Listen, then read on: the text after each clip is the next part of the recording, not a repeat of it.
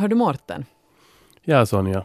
Berätta lite, hur ser ert sorteringssystem ut hemma i ett hushåll med fem personer? Vi har det ganska bra. Vi sorterar nästan allt, eller så mycket som vi kan bara. Jag menar allt från då, tidningar, äh, glasburkar, metall, äh, papp, plast. Alla de här har vi skilda. Plus att vi har en kompost på gården, så vi har också maten, äh, envelopsmaten som vi för ut. Och så för vi såklart flaskor och burkar till återvinningen eller till pant. Så jag skulle säga att vi har det, vi har det ganska okej. Okay. En sak som jag har noterat under uh, de senaste åren, sen vi just flyttade till ett ställe där vi har också kompost och allt, att vår, uh, mm. den där med, med blandavfall, mm. som, den är ganska tom. Den stora grejen som vi, vi märkte ganska snabbt efter det senaste året är hur stora mängder bara plast. Det är mest plast som, som uh, vi måste föra oftast, för att det, det kommer så mycket av det. Men att jag skulle säga att vi är ganska exemplarisk mm. fem personers familj. Men skulle du säga att avfallet har eh, ökat under, låt oss säga, de senaste tre åren? Nej, det skulle jag inte. Tvärtom så har vi börjat istället att försöka köpa. Uh, när vi köper lösvikt så köper vi i en sån här papperspåse eller så har vi med en egen sån här, uh, vad heter det, tygkass mm. dit vi sätter grönsaker och frukt. Så, att, så ett ganska miljövänligt liv. Ja, hur är det själv då? Uh, ganska bra. När man bor i ett höghus, vilket jag gör varannan vecka, så finns det ju ett jättebra sorteringssystem just för alla de olika avfallen som du också nämnde här innan. Och då fungerar det jättebra. Sen uh, varannan vecka då vi bor i ett egnahemshus med just en roskis för allt avfall så, så kräver det lite mer arbete eftersom just sorteringsstationen ligger ganska långt borta så man måste mm. alltid sen föra, föra det dit skilt.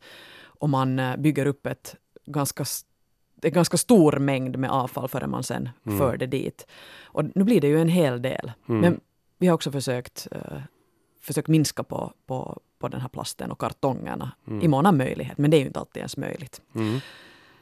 Ni lyssnar på Efter nio här med Morten Svartström och mig Sonja Kailasari. Det här programmet kretsar ju alltid kring olika utmaningar och idag ska vi just snacka om att leva så miljövänligt som möjligt i den värld vi nu lever i. Veckans gäst idag är Julia Degert. I tre års tid levde hon enligt Zero Waste-principen som innebar att leva ett så avfallsfritt liv som möjligt. I hennes blogg Grön i Åbo så har man kunnat följa med hennes liv och de val som livsstilen har inneburit. Men faktiskt för några månader sen så beslöt hon sig för att lägga av. Ja, varför gjorde hon det och vad var det egentligen som ledde till det? Mm.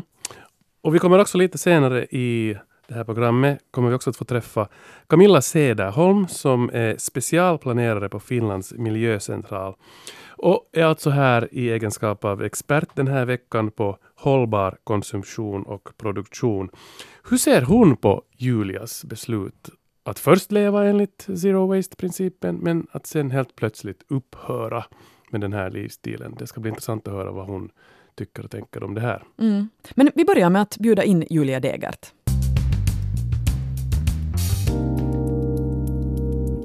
Hjärtligt välkommen med oss till Efter nio, Julia Degert. Tack så mycket. Som sagt så levde du ett zero waste-liv i tre år. Men för helt några månader sen så beslöt du dig för att lägga av och mm. sluta med det. Det här är någonting som vi har kunnat följa med då i din blogg Grön i Åbo. Och före vi går in på det här beslutet och varför du bestämde dig för att, för att lägga av, så ska vi lyssna på hur det lät när du just hade börjat den här utmaningen för tre år sedan och besökte oss i Efter nio-studion. Så vi ska lyssna lite hur det lät då. Zero waste så då brukar jag alltid ha med mig en glasburk. Uh, förutom den som då gick sönder tyvärr så har jag alltid en vart jag kan lägga mitt bioavfall och på så vis så kan jag alltid sortera det när jag sen senare kommer hem. Istället för att ta emot eh, uh, pappersservetter så brukar jag ha med mig en trasa eller uh, tyghandduk så då kan jag alltid torka händerna eller torka munnen eller vad jag nu ska göra med den. Uh, idag fick jag till exempel yoghurt på min tröja, och då var det bara att putsa lite med den här. Och på så vis undviker jag att använda pappershanddukar som eh, är engångs och dessutom dåliga för miljön. Och nu här i studion Julia Degert, hjärtligt välkommen. Tack så mycket. Där såg vi lite vad det innebär att leva enligt den så kallade zero waste-principen. Du har med dig fyra burkar här som Ja. du la på bordet direkt när du kom in. Nu, nu får du berätta vad, vad, vad, vad det är. Uh, ja, alltså den här burken uh, är mitt skräp från och med 14 augusti i år. Så jag har levt zero waste i sex månader. Den första burken blev full så jag fick börja på en ny. Men eh, det här är tre månader av skräp. Och då, jag försöker samla det här egentligen för att jag tror att, att då så blir det mer så konkret att man faktiskt kan leva så här. Och då ser människor det att jaha, men det här är faktiskt den här mängden. Att vissa saker kanske jag skulle kunna sortera eftersom det man kan väl sortera plast i viss mån. Men jag tänkte att jag vill liksom ha det där för att jag vill att... Det att här är bara plast, är det så? Eh, plast och sen är där eh, plåster. Ja, om du vill. det, är- ja. Och olika så här klistermärken som kommer från frukt och allt det här. Så Just det. Mm. Små grejer. Okej, månader. Det är helt Inte illa. otroligt. Du lagar en, en portion mat så kommer det ungefär sådär mycket. Det är så mycket skräp om man inte är medveten om hur man kan leva utan. Men de här burkarna då? Ja, eh, det här är faktiskt för att kunna göra min egen tandkräm. Eh, de har jag egentligen nu placerat, placerat i liksom skilda burkar från vad de är annars. Men att, eh, här har vi matsoda och här har vi kokosolja. La- Lagar du alltså egen tandkräm för att slippa de här plasttuberna? Och dessutom så slipper jag alla de här kemikalierna och allt onödigt egentligen som finns i tandkräm. Om man börjar räkna upp de här ingredienserna så är det helt, det är helt otroligt hur mycket um, allt möjligt som man inte ens kan uttala som det finns i dem. Och, du, och du vet att dina tänder har inte tagit skada? Ja. Så berätta om den här zero waste-principen. Vad va, va, varifrån kommer det? Vad va, vad är det? Jag tror att det fick sin början i USA. Det är ju ett så här väldigt konsumtionsland. Och egentligen skulle man kunna säga att, att till stor del så handlar zero waste om att leva eh, förpackningsfritt. Eller hur jag nu ska uttala det. Em, att man till och med minskar på sin sortering. Att man använder inte kartongens i så stor mån utan allt är bara lösvikt helst. Man använder liksom mycket produkter som går att återanvända i all oändlighet och, eller sen typ kompostera. Att det, på något sätt är det att, att inga redskap du har, till exempel tandborste eller diskborste eller trasa eller någonting, så ingenting ska vara sånt som bara slängs bort, liksom slits och slängs. Ja. Hur, hur länge har du hållit på med det? Ett halvår nu. Jag halvår, började okej. 14 maj, för att vara helt exakt. Då satte jag igång sådär på allvar och sen dess har jag gjort det. Och, och, och känns det nu som att du, du, du kommer att orka och klara av att leva resten av livet på det här sättet? Jag vet inte faktiskt, för att jag har funderat på det att om jag till exempel någon gång ska få ett barn så visst finns det ju till exempel tygblöjor, men att är man stressad och trött och barnen skriker så kanske man inte orkar sitta och tvätta dem. Och då. Så att eh, jag hoppas, men eh, jag vet inte. Okej, men åtminstone har du provat på det. Så. Så här lät det alltså för tre år sedan när Julia Degert besökte Efter nio TV. Som sagt var din utmaning att producera så lite skräp som möjligt. Allt ditt avfall skulle rymmas i en liten burk och du gjorde en massa olika beslut på basen av det och levde, levde med så lite olika förpackningar som möjligt. Okej, men nu bestämde du dig för att lägga av. Julia, vad var det som hände? Um, det var en lång, en lång tankeprocess egentligen. Och jag hade funderat över zero waste och liksom... Jag tycker att om man håller på med zero waste så ska man göra det för att det ska vara en miljögärning. Men jag började märka att, um, att det var inte det. handlar mer om skräpet och inte om vad som på riktigt är bra för miljön. Och det är då som det går helt fel. Um, det, liksom, jag tror att det som var så här droppen som fick bägaren att rinna över var att jag lånade en bok på Bibban som skulle handla om, om zero waste och hur vi kan ha lite skräp. Och då var det författaren som hade skrivit den eh, berättade att hennes liksom uppvaknande för skräpproblemen kom från att hon hade flugit någonstans och sett, eh, det var ett u-land var de hade liksom det enorma problem med skräp i eh, u-länder. Och hon hade liksom vaknat för det här problemet där.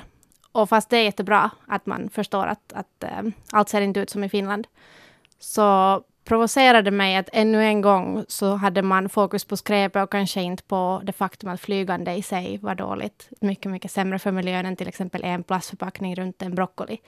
Att um, jag började, jag vet inte, jag började ifrågasätta hela det här att är skräpet den stora boven eller är det kanske något mycket större frågor? Och då kände jag bara att nej, jag vill fokusera på något viktigare än så.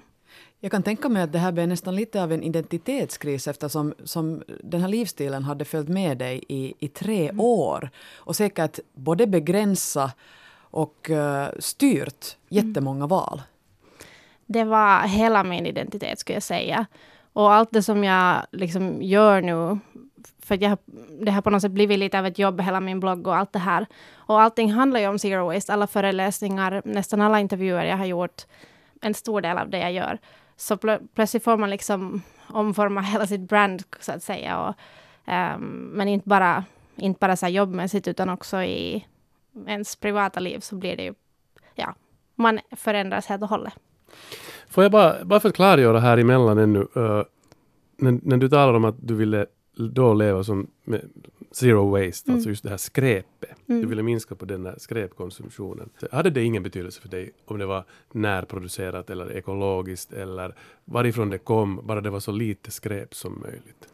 Um, det, det fanns nog ett intresse, absolut, men, uh, men prioritet nummer ett blev skräpet. Och det är jätteilla, tycker jag, nu i efterhand när jag ser på det. Jag känner att jag kanske blev lite blind för vissa frågor. Och, och just, jag kan inte svara på om det är bättre att köpa en, ett ekologiskt äpple från Sydamerika eller ett lokalt från Finland som inte är ekologiskt. Men jag antar att det här från Finland är bättre. Mm. Och ofta kan inhemska saker vara eh, packade i plast, men det behöver inte alls betyda att det är dåligt. Jag såg bara skräpet. Jag kunde Mm. liksom inte fokusera på annat och, och det, är- det är farligt. Mm. Men hela det där tankesättet är ju nog ett träsk, åtminstone när man själv funderar på olika val som man gör i vardagen. Just att ska jag välja den här produkten, är den mera miljövänlig, eller den här produkten? Man går ständigt omkring och funderar på det. Och, och, och det finns ju säkert inte helt klara svar i alla fall. Men, men man kan ju ändå försöka styra sitt liv åt, åt, åt någorlunda bättre håll. Men när det här beslutet mogna och du gjorde det här stora steget så att säga, att, att lämna den här livsstilen bakom dig. Vad var det som hände just då? Hur förändrades ditt liv? När jag väl hade tagit beslutet. Mm. Um, jag blev jättelättad. Det kändes som att nu kan jag gå till butiken och köpa vad jag vill utan att jag känner att allas blickar är på mig. Det var säkert också bara i mitt huvud, för inte tror jag nu att någon skulle reagera på vad jag köper i butiken. Men eh, det, blev liksom, det blev lättare att leva. Ehm, och, och det blev lättare att äta vegetariskt. För att jättemycket proteiner, vegan, veganska proteiner till exempel, är ofta i plast. Um, och jag vet inte, det blev lättare. Och sen det som jag också skrev på min blogg, som är väldigt så här små petiga grejer, men som jag ändå tycker att var ganska avgörande för mig, som hade testat på det här i ändå nästan tre och ett halvt år, var det att sånt som att jag kunde inte sopa upp damm från golvet och liksom riktigt göra mig av med dammet. Så jag blev och funderade, mm, vad ska jag göra med det här på sopskyffen? Och så till slut kanske någon annan kom in i mitt hem och slängde det och jag hade dåligt samvete. Och det är också dåligt att Zero Waste gav mig jättemycket dåligt samvete. För att om jag inte gjorde det rätt så då, um, då var det dåligt. Och det blev jätte så här bokstavligt just skräp, till och med ditt damm, till och med eh, varje litet klistermärke på en frukt. Du ska liksom ta hand om det. Du får inte göra misstag. Eh, jag tror inte att det är hälsosamt att tänka så. riktigt. Hur är det med din ekonomi? Har, den alls, eh, har du funderat på den, hur den har förändrats? I och med beslutet Ja, var det lättare eller svårare förr eller vice versa? Mm. Nå, jag är jätteglad att jag har levt enligt den här livsstilen ändå, för att den har ändå uppmuntrat till en minimal konsumtion, ska jag säga. Så det har definitivt, både när jag började med Zero Waste och efter att jag har slutat med det, så var det positivt att jag köper mycket färre saker. Men jag skulle nog säga att ibland så är det mycket billigare att köpa en plastförpackad grej än en i lösvikt. Mm. Vilket kanske är konstigt, men jag har märkt att det är en skillnad. Så jag tror att jag lyckas leva billigare nu, men jag har inte kollat upp det. Mm. Sen är det ju inte så svartvitt heller kring plast sista slutligen. Ibland är ju plast till och med kanske ett miljövänligare beslut. Till exempel när det, håller, när det handlar om eh, olika produkters livslängd. Mm. Ja, det tänkte jag också på att varför har det egentligen blivit så att vi ser på nästan allting i miljöfrågor så svartvitt? Att uh, man säger bil är dåligt, kör inte bil, men man kan inte heller säga det för det finns människor som inte kan leva utan den. Man säger att plast är dåligt, men är det nu sen egentligen? Och, jag, och det till exempel som jag lärde mig var att uh, köper du en plastpåse så, det har ju varit en så här jättetabu-grej att ha plastpåsar. Men egentligen skulle du borde använda en tygpåse i nytt bomull 7000 gånger för att den ska vara lika miljövänlig som plastpåsen. Så det blev liksom plötsligt sådär att va? Att har vi blivit lärda helt fel saker egentligen och fokusera på, på fel grejer. Det finns definitivt dåliga plaster och speciellt om, den hamn, om det hamnar i naturen efteråt är det jättedåligt men um, hur är det med tandkrämen nu? Har du, har du återgått till helt vanlig traditionsenlig? Det var roligt att lyssna på det här klippet. Um, jag använder nu en lite mer traditionell, ja, som nog är plastförpackad, men som är från en så här, ett finskt uh, miljövänligt märke istället. Mm. Vill du berätta lite hur din, hur din livsstil och filosofi ser ut just nu? Mm. Hur begränsar den ditt liv eller vad möjliggör den? Nu, uh, som jag sa i början, så vill jag nu fokusera på mycket större frågor. Um, jag har börjat fundera mera på hur till exempel det påverkar att ditt hem är väldigt stort eller litet. Hur påverkar det miljön? Vilken elektricitet borde man använda? Uh, vattenanvändning.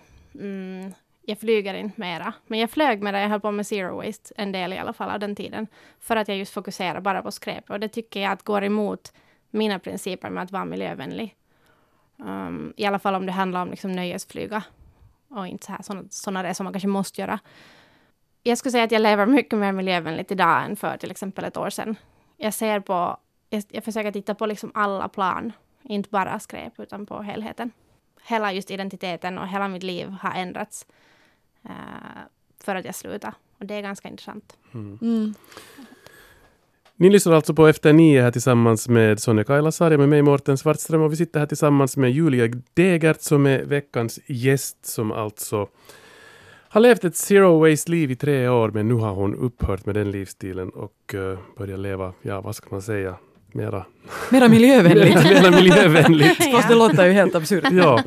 Och vi tänkte nu att vi skulle be in vår nästa gäst för att kommentera uh, Julias beslut och hennes före detta livsstil och överlag tala om det här med konsumtion och uh, produktion. Och nästa gäst är specialplanerad på Finlands miljöcentral. Vi ber in Camilla Sederholm.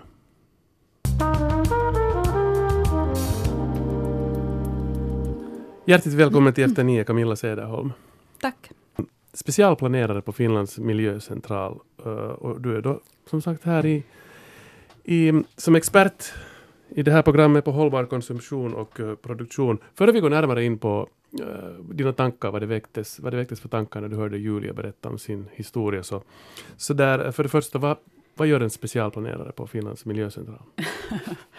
ja, alltså jag har, jag har jobbat nu, nu med det där um, med cirkulärekonomifrågor, alltså mycket riktat till kommuner. Alltså jag, jag ger input och, och det där um, bistår i utredningar och Eh, liksom råd, råd, rådgör i, i sådana här frågor som gäller liksom konsumtionsbiten, inte så mycket avfallsfrågorna. Mm. Jag jobbar mycket nordiskt, där vi utvecklar projekt om, om just uh, de här konsum, konsumtions, hållbara konsumtionsfrågorna.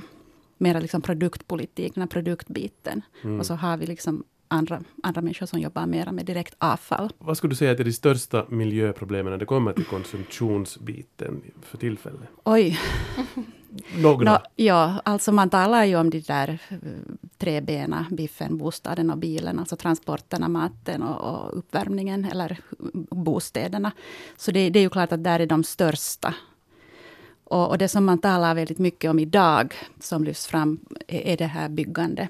Mm alltså byggnadssektorn, oerhört mycket material. Naturresurser som byggnadsindustrin eller byggsektorn använder. Så man talar om att hälften av alla världens naturresurser, materialresurser går till byggande.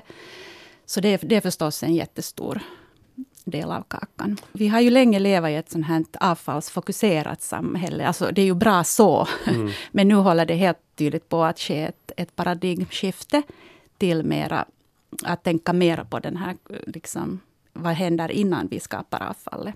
Du har suttit och lyssnat uh, på vår diskussion här, här innan med uh, Julia, när hon berättade sin, sin historia, att hon gick från att vara i tre år mm. totalt. Uh, zero waste helt enkelt, till ja. att plötsligt inse att det här kanske inte var rätt beslut mm. ändå. Vad väckte den här diskussionen för tankar? Ja, så det var intressant att höra. Och, och, och det där, jag, jag tycker det är jättefint att ungdomar engagerar sig i miljöfrågor. Och, och det här är en jätte, jättebra referensram att ha. Liksom att nu, nu har vi då det här exemplet och hur fungerar det och hur, hur, hur, lite, hur lite avfall kan man de facto producera om man riktigt går in för det. Men samtidigt så, så är jag ju väldigt kritisk till det här att man att man gör det till en religion och att det blir liksom fanatiskt och att man ser så svartvitt på, på de här frågorna. Det, det, det förhåller jag mig kritisk till och har alltid förhållit mig ganska kritisk till. För jag tycker man borde tillåta betydligt mer svart, liksom att det är inte svartvita lösningar utan, utan, utan att, att alla gör liksom så gott den kan. Men att man liksom eftersträvar en sån här uh, liksom riktning mot mera hållbarhet. Och alla kan ju göra mera, men, men, men som du sa också, att det, det uteslöt så mycket annat. Att du börjar fokusera på, på avfallet, medan du egentligen borde ha fokusera kanske då på vad du i de stora mm. dragen kan göra. Och då ja. talar vi kanske om just transporter och, och, och för att inte tala om till exempel elkontrakt till, till huset. Det, kan, det är en stor sak som var och en i sitt hushåll kan påverka. Som är en väldigt stor enskild, ett stort enskilt beslut. Att, att till exempel då beställa på, på el från förnybara energikällor. Mm. Uh, alltså liksom hela den biten. Och sen maten är ju väldigt liksom, viktig. Hur stort problem är plast jämfört med de här andra sektorerna? Eller litet? Mm, alltså plastproblemet har ju egentligen uppmärksammats nu på grund av den här nedskräpningen i haven. Alltså det, det är ju där som det stora problemet är. Att, att plast inte har liksom, eh, tillvaratagits som avfall tillräckligt mm. effektivt. Utan man har hittat det i havet och hittar fortfarande. Det är väl där det börjar. liksom. Eh, men inte ju, sen finns det ju en massa olika sorters plast. Uh, och, och, vissa plaster är ju mera riskfyllda än andra. Till exempel att all, all plast kan inte till exempel brännas i våra sådana mm, avfallsförbränningsanläggningar utan att liksom, det finns risk för, för, för giftiga gaser. Mm. Men, men alltså, plasten är nog mera liksom den där nedskräpningsproblemet som jag ser det. Men, men nu är det ju också det att... att men inte kanske en klimatförändrare? Uh, på samma sätt som andra Uh, no, ja, nu, nu det där går det ju förstås också, nu kräver det ju också energi att tillverka plast. Så in, in, nu, nu har det ju också ja, hur, man än vänder, hur man än vänder så har man rumpan bak helt enkelt. Det känns det lite som att... ja, men sen ska man komma ihåg att plast i sig är ju ett, ett väldigt eh, alltså, värdefullt material på det sättet att en plastförpackning eh, innehåller mycket, liksom, li, ungefär lika mycket energi, sådär ungefär som själva förpackningen. Att, att det kan man kanske lite sätta i proportion när man funderar på att, att har man då köpt eh, matinslagen i plast så, så samma människa kan gå och tanka sin bil liksom på en, en halv minut, liksom mm. tiotals liter motsvarande den där plastmängden, liksom tusen gånger mera. Att, att på det sättet, mm. det är ju ändå liksom den där fossila oljan som, som är där som material. Jag vet inte, jag ställer den här frågan nu till Camilla, men du får gärna också svara Julia. Sen, att, att, att hur, hur, ska man, jag blir själv helt konfunderad. Hur, hur, ska man fundera? Hur ska man resonera när man konsumerar? Då? Vad, vad, vad blir en miljö, vad blir en hållbar livsstil? Hur, hur ser ni på det här? För att det är så svårt att hitta den där perfekta lösningen, det kanske inte ens finns. Så mm. vi måste konsumera mindre, vi måste börja vid det. Det är helt otroligt hur mycket onödigt det köps och kanske främst i västvärlden. Nu har jag inga siffror men jag kan tänka mig det. Mm. Du menar helt uh, enkelt det här, behöver jag det här? Ja, exakt. Och det är jättesynd att vi blir på något sätt lärda och matade med den här informationen att du behöver det här så att ditt liv ska vara tillräckligt bra. Men när man riktigt funderar så är det nu sen så. Eh, antagligen inte. Så börja med att konsumera mindre så har man redan gjort eller det, det, är ju redan liksom ett jättelätt sätt. Då behöver du inte tänka på vad det är du har köpt, för det finns ingenting. Mm. Uh, men sen uh, gällande det som man verkligen köper, så det är svårt att veta vad som är bäst. Mm. Ja, hur ska man veta Camilla, vad som är bäst? Alltså jag håller helt med dig om att, att, att konsumtionen behöver vi få ner. Alltså mm. att, att, att, konsumera mindre. Och sen när man då väl har bestämt sig att man behöver någonting, så kanske i första hand då titta på, på, på sådana här liksom återanvända saker. Liksom Mm. Handla liksom begagnade produkter. Eh, skulle vara väldigt viktigt. Och, och sen att också eh, återvinna det som sen blir liksom över att, att sortera allt som är möjligt att sortera. Men, men det här gäller ju inte bara privatpersoner, att jag skulle lite vilja flytta fokus också från privatpersoner till liksom också eh, industrin och företagen. Att där ser vi ju nu liksom en, en, en, att, vi, att vi, vi- måste gå mot det att, att det också blir mera allmänt att, att åter, återvinna till exempel byggavfall. Och det, det, ser, det ser vi idag att det kommer säkert att, att öka. Att man också bygger nytt av, av gamla gamla material. Alltså I Danmark gör man ju mycket så här att man, man återvinner gamla tegel för nya fasader. Och det, det är på gång, det, kom, det kommer. Alltså det här med cirkulär ekonomi inom olika sektorer. Borde vi som konsumenter ännu kräva mer av just företagen eller från de ställen vi köper? Är det det som skulle sätta press också mera på företagen och inte bara alltid att det kommer uppifrån sådär byråkratiskt alla beslut, Camilla till exempel. Mm. Vad, vad tycker du? Ja, definitivt. Det är alltid bra när det kommer press från konsumenterna. Att, ja, det, det stöder jag. Och som, du- som du sa, just det där att, att man letar efter de företag som faktiskt har gått in för, för en vettigare, för vettigare sätt att tillverka. Till exempel, det finns ju mycket nu kläd, kläd textilföretag som liksom mindre, mindre eller större firmor som, som tillverkar nya plagg av liksom industrins restlager, till exempel. Och så finns det ju också mer och mer sådana här uh, uthyrnings, uthyrningsföretag. Alltså vi talar om, om sån här, ja, att man delar på eh, liksom, en, en produkt, flera personer. Alltså inte samtidigt, men det finns till exempel inom barnkläder, så finns det och det finns i Finland också, men det, det finns också i Danmark ett sånt här som, som hyr ut babykläder. Så att alltså, de behöver ju bara en kort period av babyns liv. Men det betyder också att det här, de här kläderna som, som hyrs ut måste ju vara av hög kvalitet för att kunna hålla så många gånger.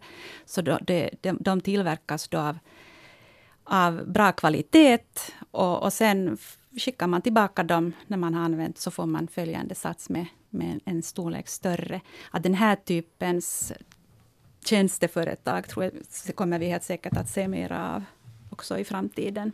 Att, att man inte liksom behöver äga allting själv. Om trenden är den att, att eh, folk skulle vilja på riktigt leva på det här sättet, så måste jag ju ändå fråga, vi kanske inte är experter på det här området, men ändå era åsikter om det här. Samtidigt så öppnas ju köpcenter efter köpcenter, nytt köpcenter. Hur, hur går det här ihop? Har ni tankar? Ja, det går ju inte ihop. Ehm, det, jag vet inte, men eller no, jag vet ju att det är pengar som ligger bakom det. Och på något sätt det här behovet att sälja, sälja, sälja. Men ehm, just några flera företag som skulle arbeta så här just med uh, uthyrning eller något sånt stöder jag fullt ut. Och det är synd att det inte ännu är så stort, men det är absolut eh, på kommande. Det finns också det finns bilföretag till exempel just som som inte som en typisk biluthyrningsfirma utan privatpersoner kan så att säga Airbnb sina bilar och, och sånt här tycker jag är jättebra. Men eh, det är nog en bra fråga hur vi fick till ett köpcenter eh, igen. Ska jag vilja säga. Mm. Ja, jag håller med. Det finns ju inte ett behov för mera butiker. Folk köper ju mera på nätet nu för tiden. Att, att det är väl en, ändå en trend som går mot det att vi köper mera. Alltså unga människor speciellt köper ju mera nya saker via nätet. Och då kan man nog fråga sig hur, hur ett sånt här enormt köpcentrum kan bära sig. Och hur någon egentligen vågar satsa på en sån idé som känns ganska så här gammaldags. Men kanske de redan börjar förbereda sig för att bli någon slags museum i framtiden. Är det inte så att i alla de här nya, i de här nya köpcentren så har det ju, har det ju kommit alltid något museum in i bilden. Alltså här finns ju också i det här nya i Böle ett, ett musikmuseum, vill jag minnas. Ja, men det där är intressant... Och det är, liksom, är det för att fylla upp de här tomma lokalerna som man vet att ändå inte kommer Eller för att locka folk kanske? att det kan Mm. också vara, men kan det, det kan hända att det i framtiden bara finns Museum. någonting annat än, än de här krimskransbutikerna som du sa. Tänk om, om köpcentrum i framtiden bara är ett minne blott och vi har massor av köpcentrumsmuseer. Att så här såg det ut på vet du, 70-talet framåt. Och nu kan ni se att så här gick man och shoppade tidigare. Ja, eller sen, sen finns det ju utrymmen förstås som kan användas till annat.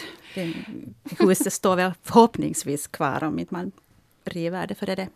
Och då måste man återanvända de där materialen. Ja, ja, sen återanvänder vi dem. Men sen finns det också så lite kunskap om att reparera saker. Dels Mm. själv, men det finns också jättelite företag som, som erbjuder den tjänsten. Mm. När det gäller allt som vi har där hemma. Alltså, visst borde man ju själv också bli bättre på att, på att fixa vissa grejer. Jag tänker alltid på min, min farmor som ändå är född i början av 1900-talet. Hon sparar precis varenda en grej som hon köpte för hon funderar att hur kan hon utnyttja det här i framtiden och vad kan hon liksom använda det här till. Uh, plus att hon, hon reparerar just allting. Det satt en massa kunskap där i hennes liv. Borde det här... Jag, jag tänker på något sätt... Så, jag blir också helt till mig nu när vi, vi talar om det här för det blir på något sätt sådär att vad är lösningen nu i framtiden? Här kommer julen också just och människor ska börja köpa allt mera. Och jag har inte ens någon fråga utan jag blir bara sådär matt. Man blir matt. Det är det som är det svåra tycker jag. Man blir typ trött och kan inte tänka mera. Nej. För att det är så krångligt. Men köpa mindre, det känns som en bra start. Jag tycker också att det är en bra start.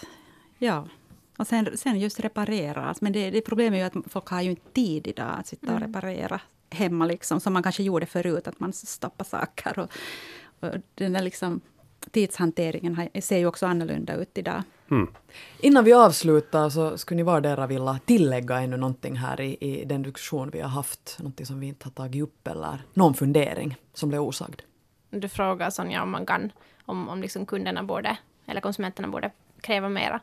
Att jag hörde en gång, jag är väldigt besatt av Jamie Olivers matlagningsprogram, och så sa han någon gång att om fem personer skulle kräva någonting av sin matbutik, så skulle det redan ske en förändring. Att det behövs egentligen ganska lite, och det kan jag också tro på, för att fem personer som ber om samma sak är egentligen ganska mycket. Eller det, det känns som att det skulle ge ganska mycket synlighet för den här butiken. Att okej, det här behöver vi ta upp. Så man kan dra ihop alla sina vänner och be att de skickar ett påminnande mail om vad man vill ha eller be om det fysiskt i butiken. Eh, Jag tror absolut att vi kan påverka som konsumenter. Så att det blir en stor förändring på någonting. Ja, jag, jag håller helt med att, att det är inte så många som behöver ha en åsikt i närbutiken, så har det en stor inverkan. Jag skulle kanske lägga till det här just med de här som folk, alltså svartvita lösningarna. Att, att om, låt oss säga den som då kör bil idag till jobbet varje dag, om den liksom en dag i veckan gör någonting, kommer till jobbet på ett annat sätt, så är det ju redan en 20 procents minskning av trafikutsläppen för den personen. Jag menar, gör många människor samma, så har vi en ganska stor minskning, utan att det egentligen behövde vara ett så stort problem. Eller en så stor förändring i livet. Ja.